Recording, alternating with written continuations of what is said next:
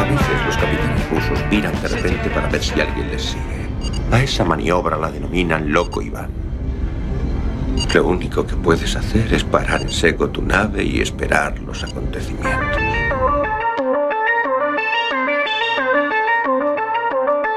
Yamasphere 347 of Space Patrol calling unidentified ship. They're.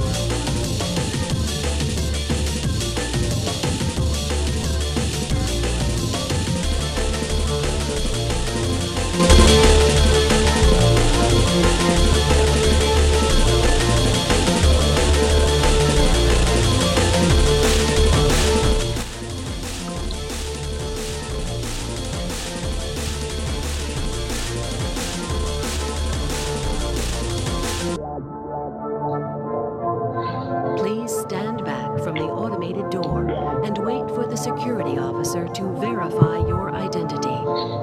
Before exiting the train, be sure to check your area for personal belongings.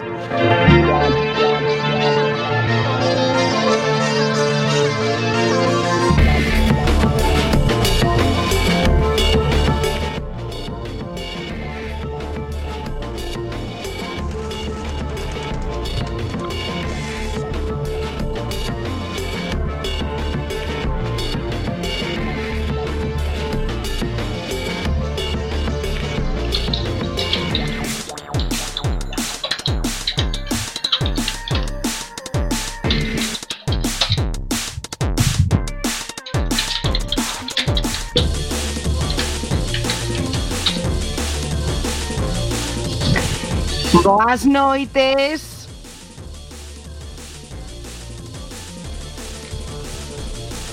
Hola, capitanes, boa noite, que tal? Oh, por favor, é que era un momento de presión. Estaba pensando se me estaban escoitando eh, e non sabía porque estaba aquí dentro eh, da chalana da chalana do confinamento.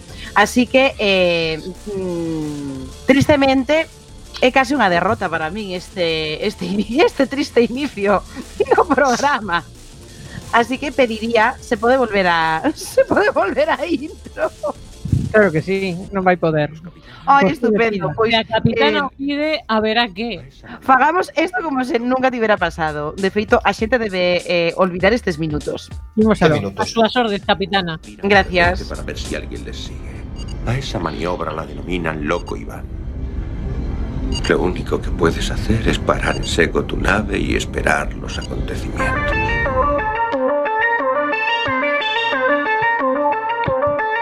Yamasphere 347 of Space Patrol calling unidentified ship. They're not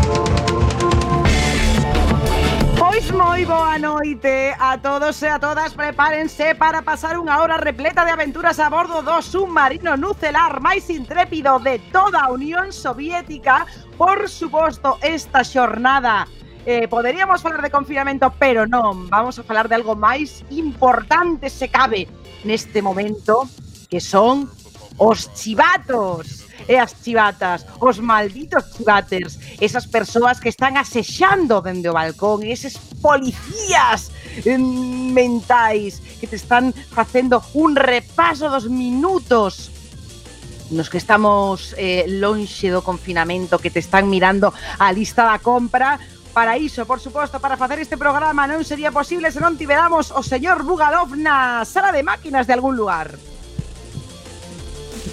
Por aquí ando, por aquí ando.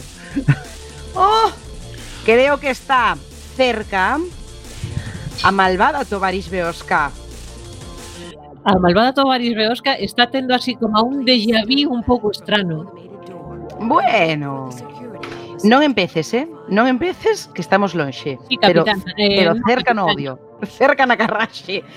Se non tivera a miña esquerda, lonxana, pero a miña esquerda, por suposto, como sempre, ao xefe de torpedos, Lamelov. Boa noite, camarada, aquí sempre listo. Non sei que máis está por aí a bordo do onde este o submarino, onde este cada un o submarino. O Tovarixes Mendrellev está por aí. Boa noite a todas e a todos. Que me queda? Que me queda por aquí? Quédame alguén máis? Nada, xa estamos, capitán. Xa estamos todos. Bueno, mm, podería ser máis, pero o imprescindible está aquí. Saudamos a capitana Esbletana Ibaruri, este loco Iván, comezamos.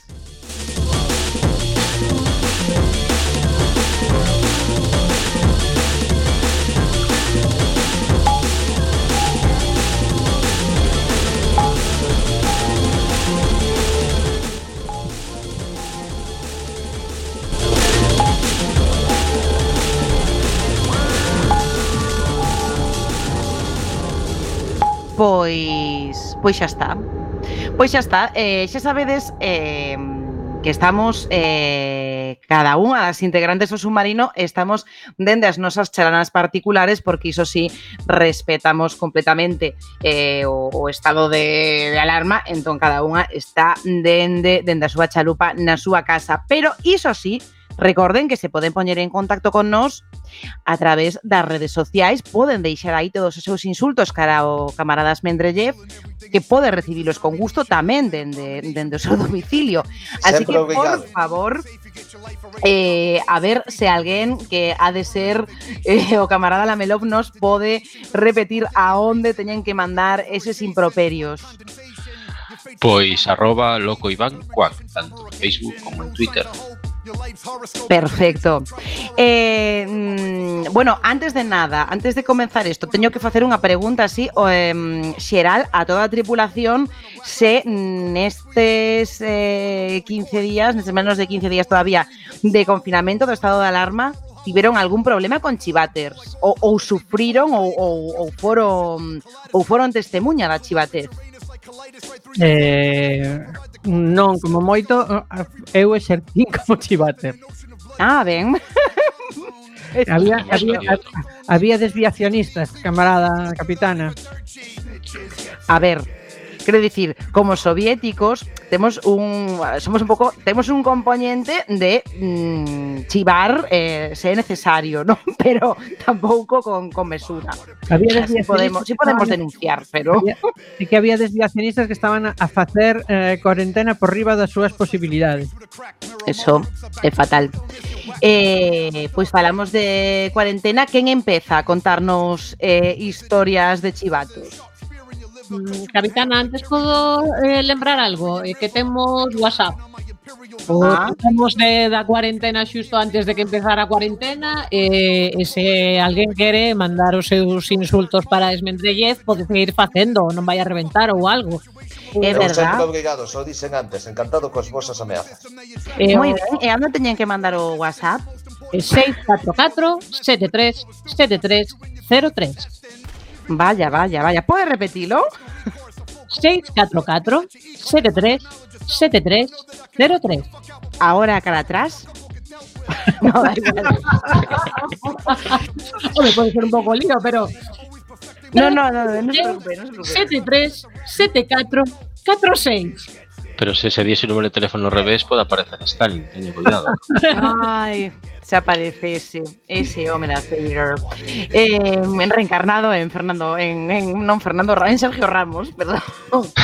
bueno, eh, pois nada, con todo xa con todo xa solucionado, eh, comenzamos eh, eh quen é o primeiro ou a primeira que nos vai falar de Chivaters na historia? Pois creo que temos aí preparado o camarada Lamelov. Pois sí, veña, doulle, doulle eu. Porque a verdade é que con este tema de confinamento aparece unha especie nova de series que son os chivatos de balcón ou balconazis que temos ah, que ah. padecer día así e e día tamén, que bueno, o que pasa que nós, como estamos no submarino, digamos que podemos podemos tapar bastante ben para moita xente pola superficie que, que os está sufrindo bastante. Pero bueno, mellor non dar bola, así que vou falar de algún soplóns famoso no cine e nos videoxogos de bueno, desas cousas que non interesan a ninguén. Entón, se o camarada Digalov pode darlle o curte número 1. Como non, un niño que imos. ¿Tenemos un acuerdo? Señor Reagan. ¿Sabes?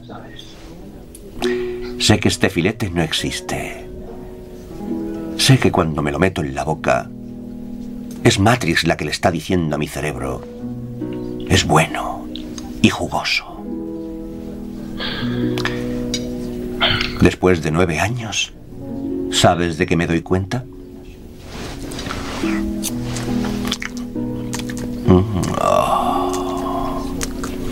La ignorancia es la felicidad.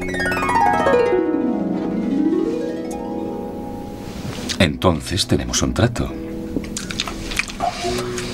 No quiero acordarme de nada. De nada. ¿Entendido?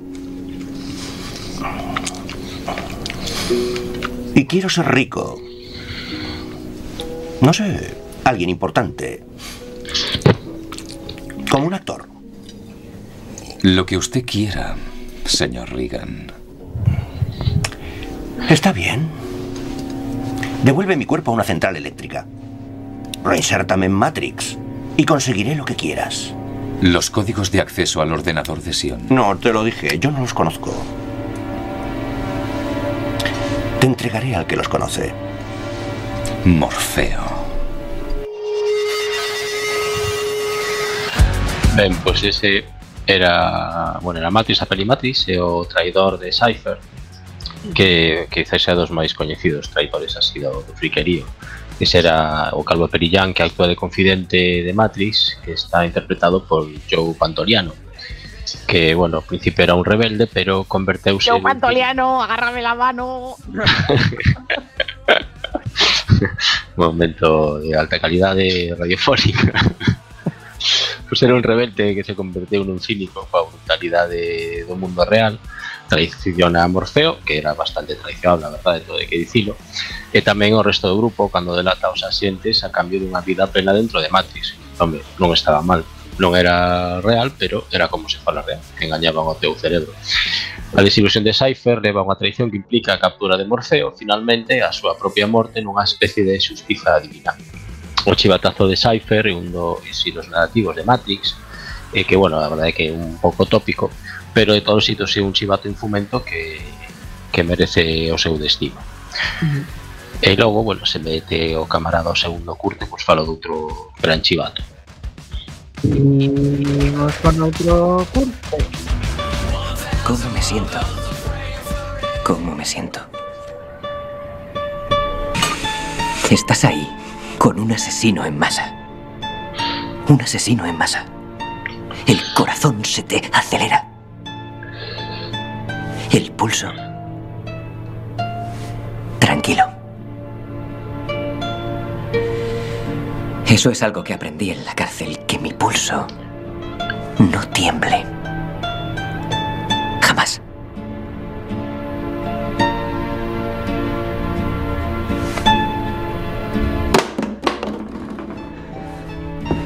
Despierta, coño.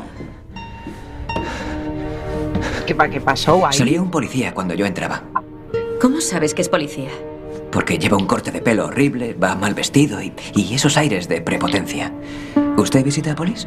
Es parte de lo que hago. Lo normal no es que vengan cadetes a los que han echado de la academia. Ah, vaya. Debería cambiar de trabajo, ¿eh? ¿Tú crees?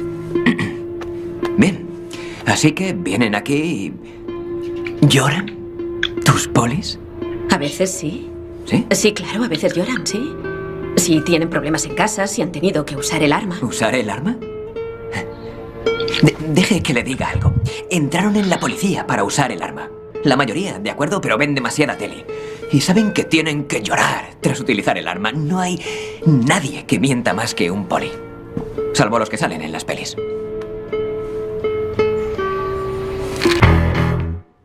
Bueno, esa era la película eh, Infiltrado, el título original de Departed, que dirigida por, por Scorsese, eh, que habrá de que, bueno, a mí por lo menos gustó, me, gustó me bastante. Una película en la que en general está hecha de soplons, por ejemplo, sale Frank Costello, que interpretado por Jack Nicholson, que, que bueno, en esta ocasión la verdad es que interpreta bastante bien, no arca tanto a estrellas. Eh, bueno, Hombre, siempre interpreta bien. Sí, aquí ah. sí, pero Jack Nicholson algunhas igual parece máis o Sobera e o tema da, da ceja. en fin. Pero, bueno, en este caso faino bastante ben que eh, a personaxe que fai que, que Costello pues, inspirase nun mafioso de verdade que Whiteburger que un xefe da mafia de Boston que divulga información ao CDI. Costello adestra e prepara a Colin Sullivan, interpretado por Matt Damon, para que se convirta nun topo entre a Policía Estatal de Massachusetts e lle informe Unha pues, rata. de- sí, unha rata que informa, bueno, informa do que fallo FBI co cal, bueno, pues, tampouco está tan mal Despois de que Sullivan é aceptado na unidade de, de investigacións especiais, está decidido a topar a identidade do autosoplón dentro da organización, que era precisamente pois o que estaba falando agora, non? Que era DiCaprio. Cando Sullivan descubre que Costello é un informante do FBI a través da súa propia investigación, teme que a súa identidade como topo saia ao descoberto, entón se ten que enfrentar a Costello. Bueno, o caso é que na película hai moitos xiros e ninguén parece ser quen di ser, que o que máis mola de Departed é que nunca está claro se o soplón é o único topo da película, porque todos son soplóns e non se pode se pode confiar en, en ninguén, non? Digamos que, bueno, cada soplón cada soplón terá terá moitas cousas que, que padecer, como deben padecer todos os soplóns.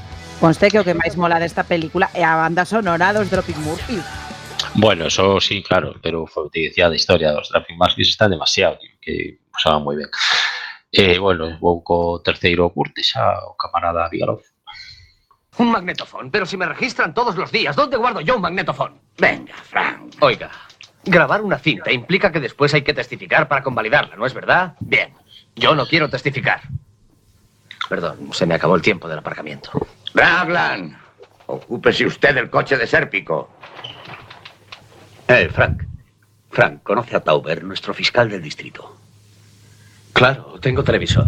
Frank, debo felicitarle a usted por la firmeza de que ha dado prueba. Es usted el único, y digo único en el verdadero sentido de la palabra. Estará orgulloso de sí mismo. Nombraremos un gran jurado para este caso, y Frank Sérpico será mi gran testigo.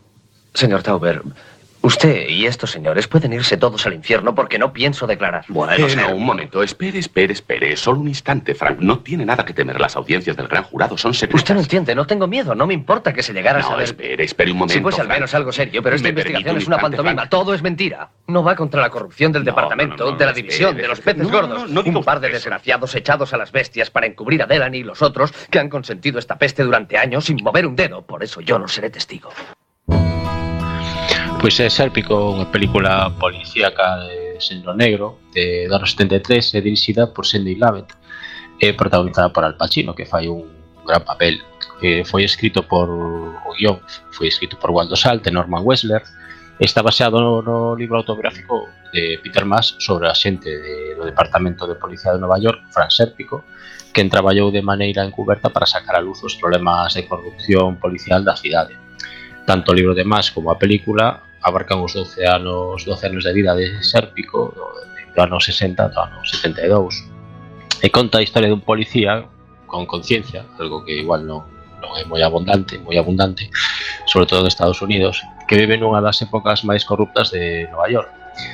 Fran Sérpico é interpretado por Al Pacino, cando Al Pacino aínda molaba, que é un patrulleiro que rapidamente ascende nas filas da Policía de Nova York e aos poucos anos decátase da corrupción do mundo policía e testemunha contra varios policías que reciben sobornos e mesmo cometen actos de violencia. Finalmente decide exponer a injustiza que viu, é acosado por outros policías, e etiquetado como soplón, e enfrontase tamén a pelexas entre a policía de Nova York, e ameazas del norte, tensións nas súas relacións persoais, vamos, que non pasa nada nada ben. E despois de que lle disparasen na cara durante unha redada de drogas, testifica no tribunal sobre a corrupción dentro do Departamento de Policía de Nova York. Fran Sérpico recibía medalla de honra do Departamento de Policía, que eloxaron pois, o seu traballo, bueno, eh, digamos que non é un soplón de todo malo, porque eso tiene a corrupción da policía. Claro, que hai soplóns vos. Os, claro, algún, os, algún poucos, pero algún hai. Os, os soviéticos, as veces que, que neste submarino se tivo que, que axusticiar a alguén, pois sempre foi por ben. Pero eso, no, eso é cumprir co deber, eso lo que é ser soplón. Claro. Se, se envías a un revisionista angular, eso é... Claro, vamos, se xustiza. Que Por certo, eh, o tema del Pachino, non sei se, se o bichedes, eh, porque a mí gustoume moito e tamén ten moito que ver con soplóns e con traidores, como case todas as películas eh, de mafia, eh, en, en apelido irlandés, eh, que tamén sí, é de Scorsese. de Jimmy Hoffa. Exactamente, sí, sí. que un para min é un papelazo, eh? dicías antes que, que mm, oye, para min ese é un, é un papelazo de Al Pacino, eh? Sí, pero facía tempo que non facía un papel tan bo. Digo. Bueno, é que, eu eh, non sei se, se tivestes a oportunidade de ver a, a serie Hunters. Ai, sí, sí, sí, sí. Pero sí, tamén está, tamén está espléndido aí. E, eh, e eh, de feito, se ves Hunters eh, o irlandés xuntos, bueno, xuntos, máis ou menos perto no tempo, o, o Pacino parece dúas persoas completamente distintas. Sí, eh? Como... sí, sí. Eh, é absolutamente sí. increíble, particularmente se escoitas, pues claro, se, se ves as pelis en versión original, porque cambia todo. É outra persoa, non? Ten unha capacidade para construir personaxes que é increíble. Estou recordando Por certo, camarada Lamelov, non sei se eh, eh, te, fix, te fixaches no nome eh, eh, original de Cifra ou de Matrix. Bo día pasaba por eh, aquí. Que Reagan, Reagan. Claro, o señor, claro. o señor Reagan. O eh, señor que, Reagan, que, que vai moi ben tirado porque o outro señor Reagan, Ronald, foi un chivato. Foi un chivato, sí. Supoño que, non, supoño que non sería de todo accidental, ¿no? Supoño que non, porque foi chivato, era un dos, dos máximos confidentes da chamada da caza de bruxas, do, do macartismo, de cando era, cando era actor. El iso era... Malvado macartito. Sí, pues Reagan era un dos, dos, dos chivatos, dos, dos noxentos chivatos, sí. Así que está ben traído. Pois, eh, a verdade é que Al Pacino, a ver, a mí Al Pacino molame moito, pero levas a moitos anos, salvo, bueno, estes dous, o a serie que de Mariano, que non, digo, que digalo que non a vin, eh, está esta- moi ben, eh? A verdad que é súper esta entretida.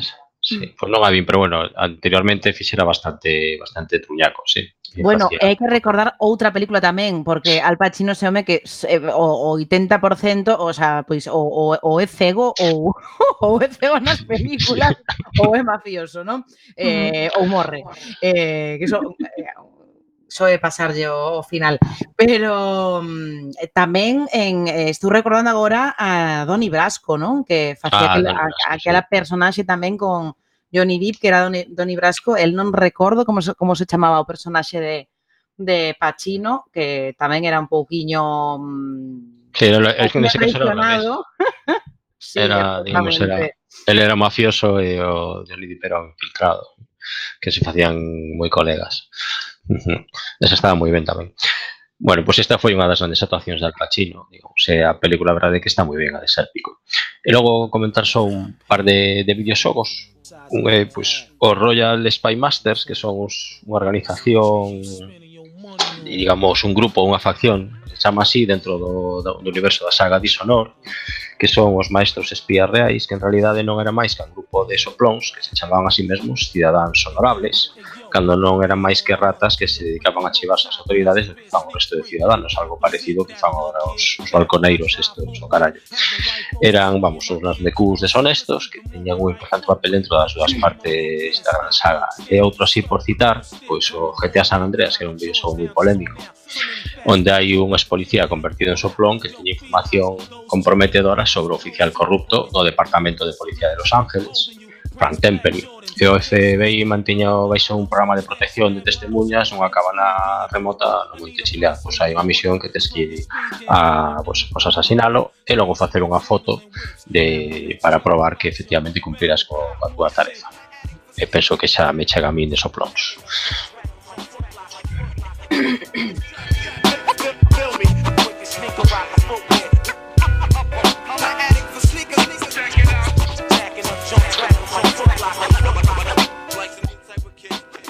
Bueno, pois seguimos adiante. Que máis que máis fala de, de soplos? Pois podo ir eu mesma, por exemplo. Veña. Ujú. Pois vou empezar falando mm, de Harry Potter, que hai tempo que non falábamos de Harry Potter. É verdad, fai tempo que non falas deste tema.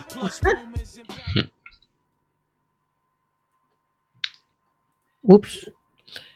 Ups, bueno, pois falo de Harry Potter, no problem, apelo. Eh, por certo, quero empezar eh, comentando unha cousiña. Estive mirando, bueno, xa sabedes que Harry Potter é unha saga escrita pola inglesa J.K. Rowling. Estive mirando así por curiosidade se J.K. Rowling collera o coronavirus, porque como agora están os, in os ingleses todos collendo o coronavirus, que se o Príncipe Carlos, que se Boris Johnson e tal, pois mirei por así curiosidade. Eh, comentan que non o colleu, por certo, pero que polo coronavirus liberaron os dereitos de Harry Potter para docentes de todo o mundo ata o 31 de xullo. Foi unha decisión da autora pois para que os maestros que queiran poidan compartir os, os textos de Harry Potter cos nenos. Que un pouco... Yeah, pois está moi ben. Uh -huh. Sí, a verdade que sí. Eh, Eh, entón, de Harry Potter quería eu falar dun chisme moi mm, útil que aparece nos seus libros, por suposto nas súas películas, que é o chivatoscopio. Que Chama, gran invento. Que ven sendo unha buxaina de cristal que se ilumina e empeza a dar voltas e la soa e a, e a quitar unha tola. Uehei! Tranquilidade. Pois iso, que empeza a funcionar en Lastoa cando preto do seu dono hai unha persoa que lle quere facer mal, pois mal de calquera tipo, dende cousiñas inocentes como pode ser unha broma, como pois hai preto un inimigo ou incluso artes escuras. Aparece por primeira vez na saga no Prisionero de Azkaban, cando Ron regalalle a Harry un, un de un pequeniño, polo seu cumpleanos. De feito, nesta escena, o seu irmán Bill di que en realidade os chivatoscopios de peto non son moi confiables porque mm, el tiña un que se iluminaba e giraba na cena sen razón aparente, pero o que non sabía é que os seus irmáns xemelgos meteran escarabellos na súa sopa sen que el se dese conta.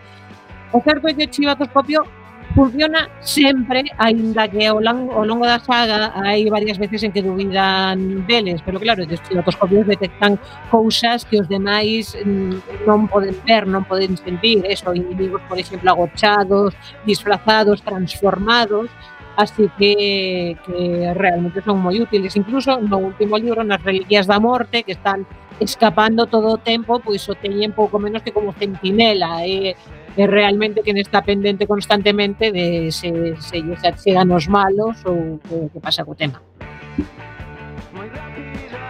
E que ninguén ten nada que comentar sobre isto, continuo. é que isto estaba tan ben explicado que que comentar de Oscar? Que comentar?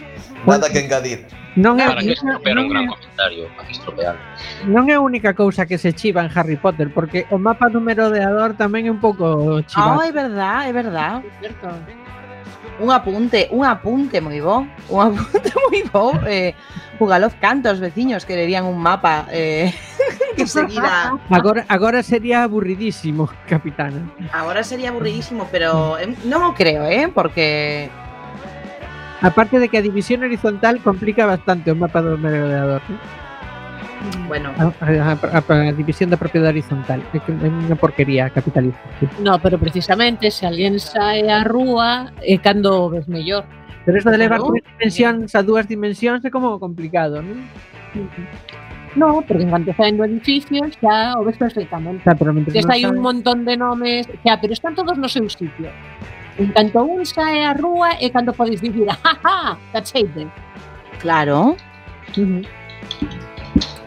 Continuando co tema dos soplones, eh, falaremos de Añán, que mm, como estes son uns libros que todos lemos de pequenos, todos coñecemos en realidad como Agnan. que é un personaxe do pequeno Nicolás. Son uns libros infantís do escritor e guionista de cómics francés René Goscinny, o noso querido René Goscinny, xa sabedes, co-creador de Asteris, xunto con Uderzo, que, por certo, morreu hai pouquiño. Exactamente, eh, hai pouquiño esta semana mesmo. Esta semana. Sí, unha mágoa, así. Goscinny é tamén, perdón, que, que, que é unha cousa moi curiosa. Noutro programa esta tarde houve quen chamaba eh, as, Asterix. Nós agora estamos con Asterix, que eh. realmente é Asterix.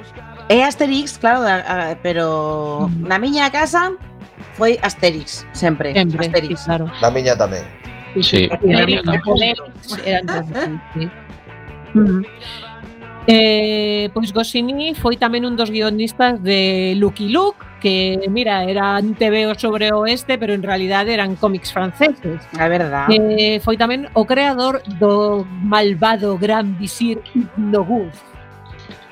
Sempre eh, querendo ser califa en vez do califa. Ah, era estupendo. Non sei a que me recorda deste submarino.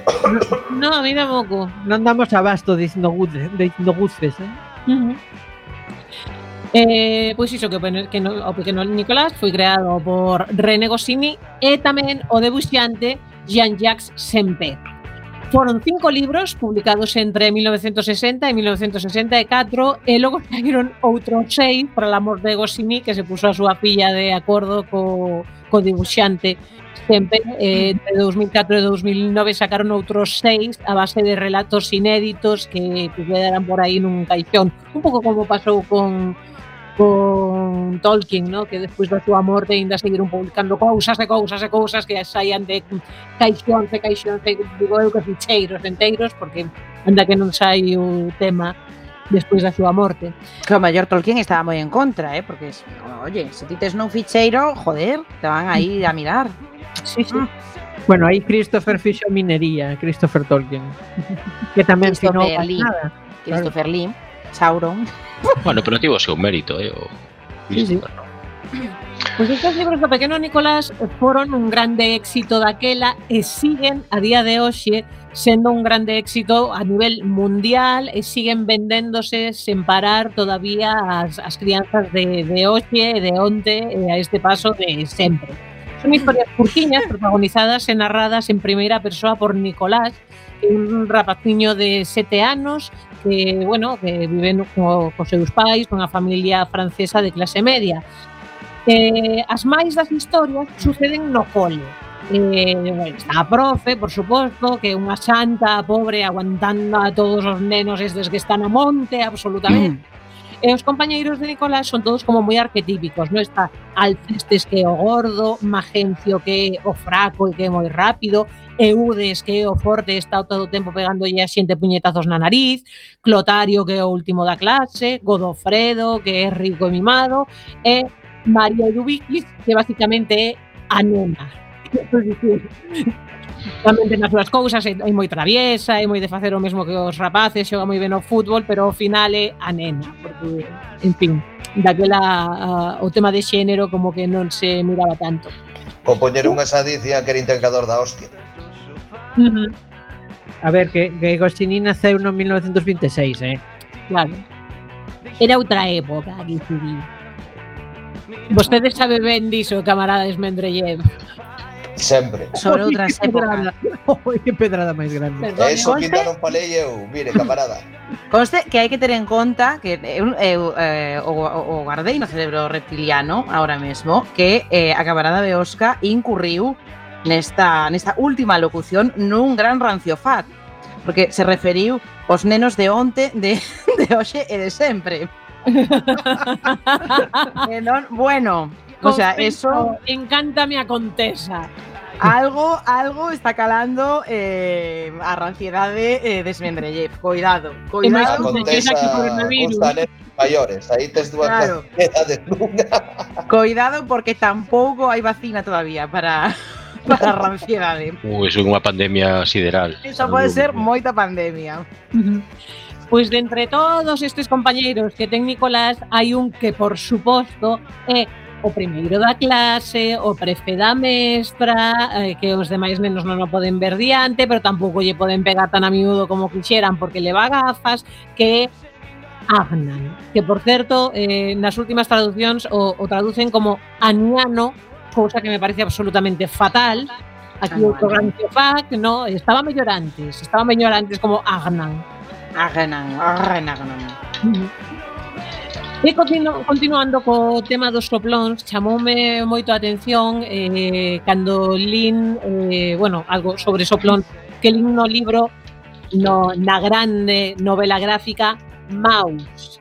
Sabedes, Marcus Kieselman é eh, un autor estadounidense. Eh, Maus eh, editouse por entregas na revista de Comic Raw entre 1980 e 1991 eh, xa no 91 saiu nun só libro como novela gráfica. Eh, que é unha historia biográfica sobre a experiencia do seu pai, do pai de eh, Artes Piegelman, que era un xudeu polaco que viviu a ocupación polos nazis e estivo confinado en Auschwitz E, e bueno, fala un pouco da relación de, de Art co seu pai, eh, a historia de como foron, de como foi preguntándolle por por todo o seu pasado, entón unha mezcla entre presente, facendo, por suposto, flashbacks constantes, eh, longos, evidentemente, porque ao fin e ao cabo é a historia que nos quere contar do seu pai pois nos, nos anos nos finais dos 30 e principios dos 40 cando sucedeu to, toda esta historia. Eh, os personaxes están eh, debuxados dun, dun xeito moi curioso porque os xudeus son ratos, os nazis son gatos E os polacos son cochos, está todo así un pouco de algún xeito como se fose unha, unha fábula. E comentaba que me chamou moito a atención cando li neste cómic por primeira vez que falaba dos xudeos, xudeos soplóns, porque efectivamente, dentro dos guetos, e, e creo lembrar que nesta historia tamén falaban que incluso dentro de Auschwitz había, eh, había xudeus que eran uns soplóns, algúns sí. por supervivencia, outros por extorsión, que, bueno, sempre podes dicir, bueno, igual aceptamos barco ou non, e, eh, eh, tamén nos había, pois, para medrar.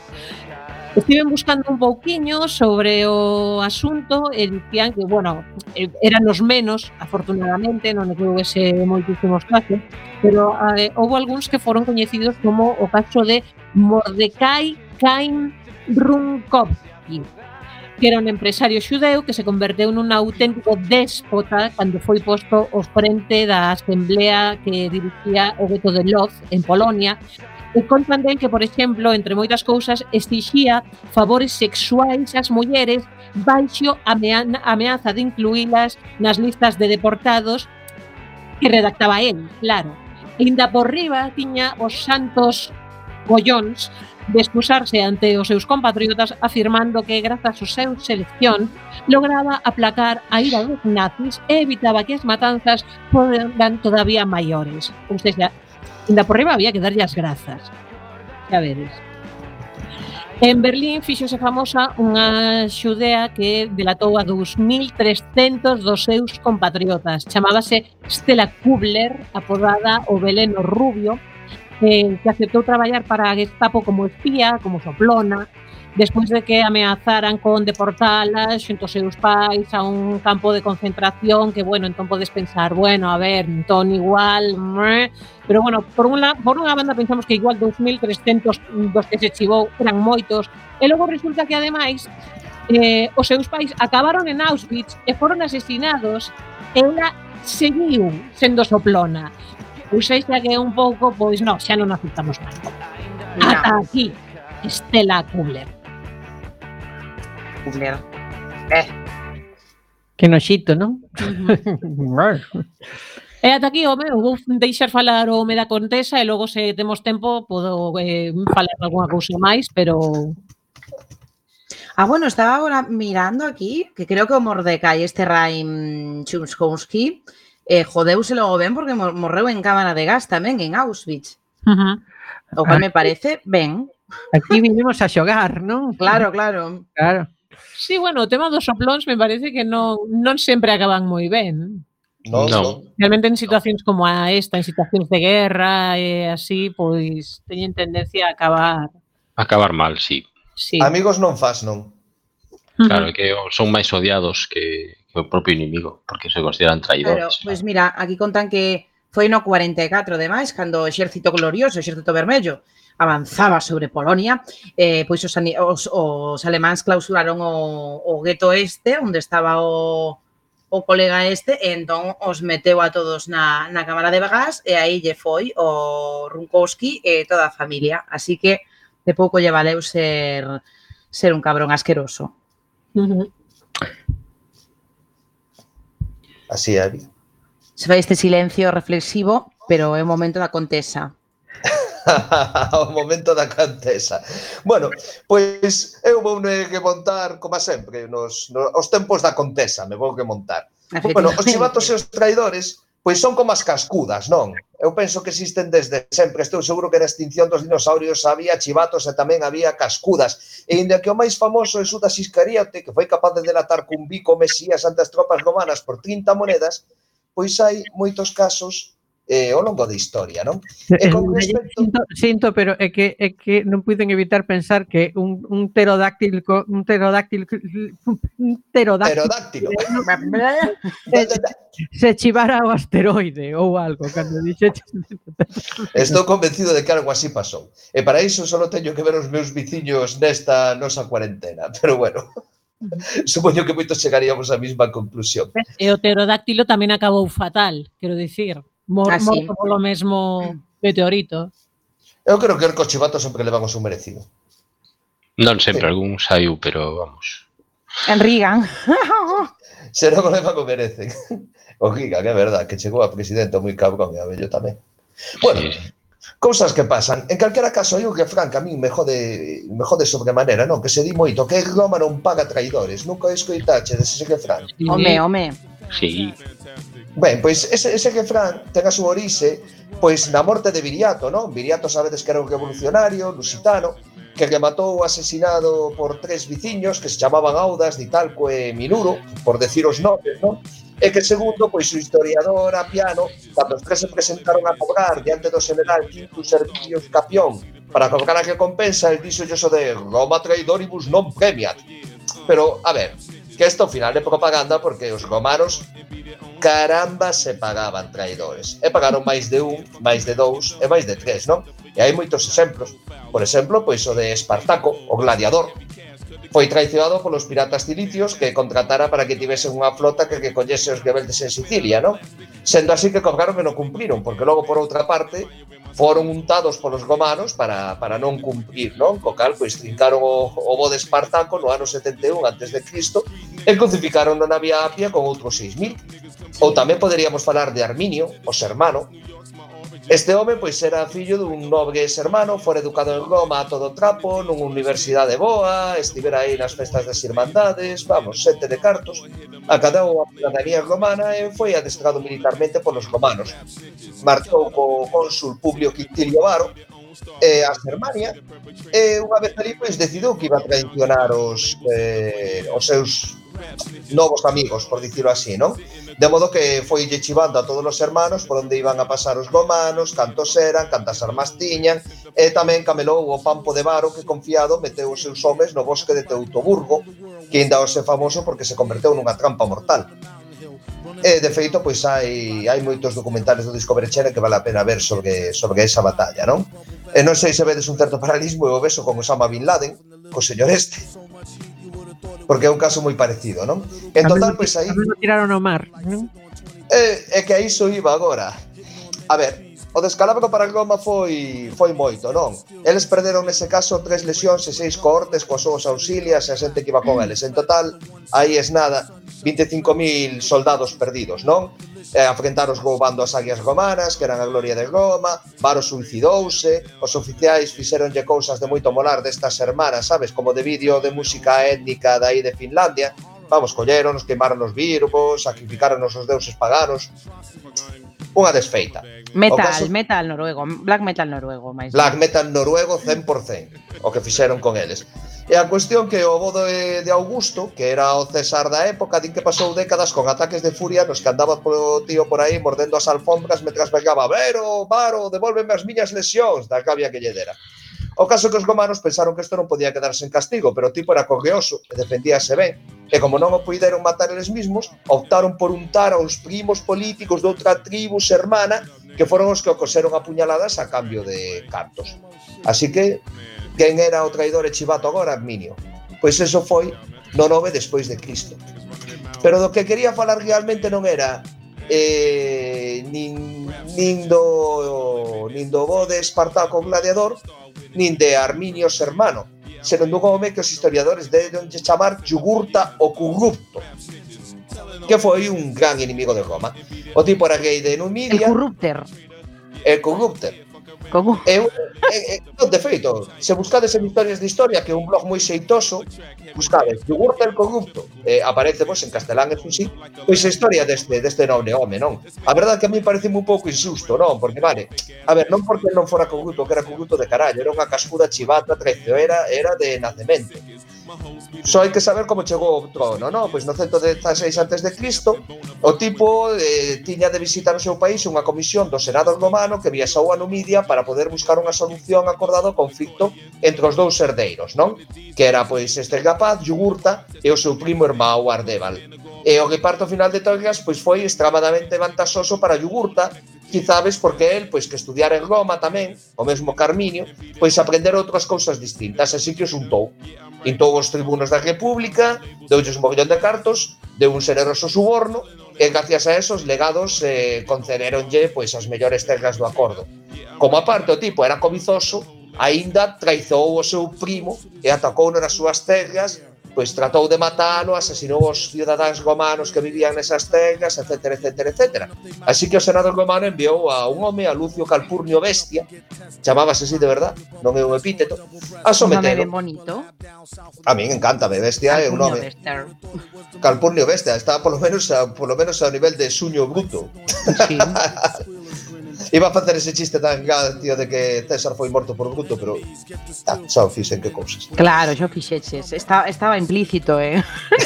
xa viña, viña no pack, viña dentro da contesa. Claro, xa, estábamos esperando. Eso que os darnos aquella tarta ao whisky. Pero mirade, o caso que chegou este tipo, Lucio Calpurnio Bestia, a someterlo, e o caso que decidiu pois, facer o que mellor sabía facer, que era subornalo, e subornou, no? Co cal, pois, el rendeuse, de cara á galería, pero acabou inda con vista que tiña, cos territorios ocupados, sendo por de, eh, perdoado por este por este consul romano, e a cousa foi tan indecorosa e tan bestia que casi se montou unha que volta en Roma, entón, como cantaba moito, no ano 116 decidiron enviarlle a un político honrado, que foi Espurio Postumio Albino, home honesto, O que pasa que, bueno, o tipo era honesto pero non era moi competente, entón foi decotado por medio de información que Arminio obtuvo por cando veu que este home era insubornable, pois subornou os homes que o mandaban para obter información e asasinou uno con todas as súas tropas. Home, se, se, se, segundo, sendo o segundo nome postumio estaba contado, eh? víase vir, víase vir. No momento dado, pois decidiron mandar un terceiro, Quinto Cecilio Metelo, que, eh, bueno, pois era un home que neste caso tais, tamén era honesto e tamén mandaron con el un pouco despois a Cayo Mario. Estos tres esta vez os romanos conseguiran algo casi imposible, non? Que o vemos nestes tempos, que é xuntar e conseguir dous políticos que eran ao mesmo tempo honestos e competentes. Entón, como eran insubornables, aparte tamén eran competentes, provocaron que Proviño se tivese que aliar co seu tío, o Gay Boco I de Mauritania. O caso que o Gay Boco, pois, a ver, este home era así, o bo de yogurto o corrupto era porque lle viña de familia, era tan traicioneiro como sobriño, así que como todo porco lle chegou a San Martiño, pois foi traizoado e foi asusticiado nos calabozos do seu propio palacio. Unha historia triste, pero que había que contar. Sen embargo, pois a época de ouro da traición e relacións romanos nunca tivo maior auxe que durante a dictadura de Lucio Cornelio Sila, porque os romanos, pois isto, como son así, como as víboras, traicioneros e de morder entre eles, entre o ano 82 e o 78, se hai algún romano xa sabedes, eh? dimos antes aí as direcciones de, as direccións de Telegram e de WhatsApp. Claro, que a xente de Roma está desexando agora mesmo recibir os teus insultos. Gobador un ite domo. Que poderíamos dicir. o caso, Ninguén estaba eh, na ditadura de Cornelio Sila houve unha auténtica persecución política de diversas familias. E entre o ano 82 e 78, que foron os que durou, ninguén estaba salvo dos chivatos e lambecús que buscaban medgar para quedar ao tirano. En total, nese tempo, eh, 80 senadores, 1.600 cabaleiros e quites de goma e 4.700 cidadáns ricos e poderosos foron mortos, asesinados ou exiliados ao longo da dictadura, sen contar os que non eran nin ricos, nin famosos, nin foron exiliados. Eh, o caso que... Como? No, nada, nada. No. o caso que o tipo este, eh, Cornelio Sila, morreu na cama, de vello, tranquilamente, despois de matar a quen quiso, de gobernar a dictadura durante todos estes anos, e posiblemente pois nos recorde algún outro dictador asasino máis preto da, da nosa cultura e do noso tempo, non? que tamén pasou algo parecido. As ditaduras sempre se que matan aproveitando para delatar o viciño, para conseguir as terras, os cartos, a parella, ou que sexa que cobices desa persoa, ou simplemente para medgar, E por eso que hai que ter cuidado, pois, cando vemos tanto chivater de balcón, porque igual se algún día veñen maldadas, pois poden tirar por ese lado. E hasta aquí quería chegar. ¡Oh, por favor, Elvis! Ah, sí, pero non está por casualidade, Elvis. Ay, suspicious. Está aquí por chivato. Bueno, no, por aí no. Elvis tamén era chivato? Sí, no. Elvis ah, Eso, gato. Nunca se soubo ben, eh? Bueno, Eso é unha un segundo, segundo, segundo os eh, documentos do FBI eh, que se desclasificados resulta que o amigo no. Elvis non é que fose chivato exactamente ofreceuse para ser chivato O que pasa é que eh, o amigo John Edgar Hoover, Hoover o sea, mm, decidiu que non... Que zumos Hoover, de frutas Hoover logo. no le interesaba. Huber, Huber, sí, sí. Murciano él, ¿no? Exactamente. Creo un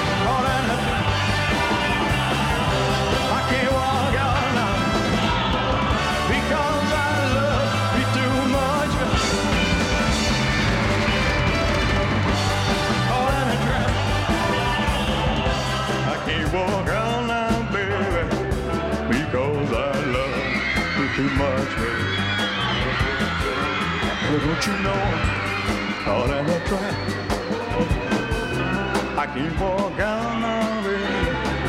Because I love you too much, baby. Oh, don't you know?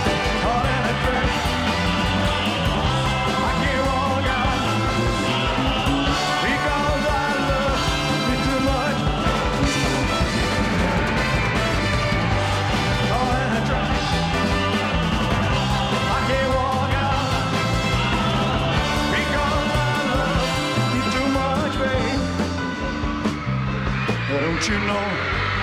Caught in a trap. I can't walk out I hope this suit don't tear up, baby. Don't you know?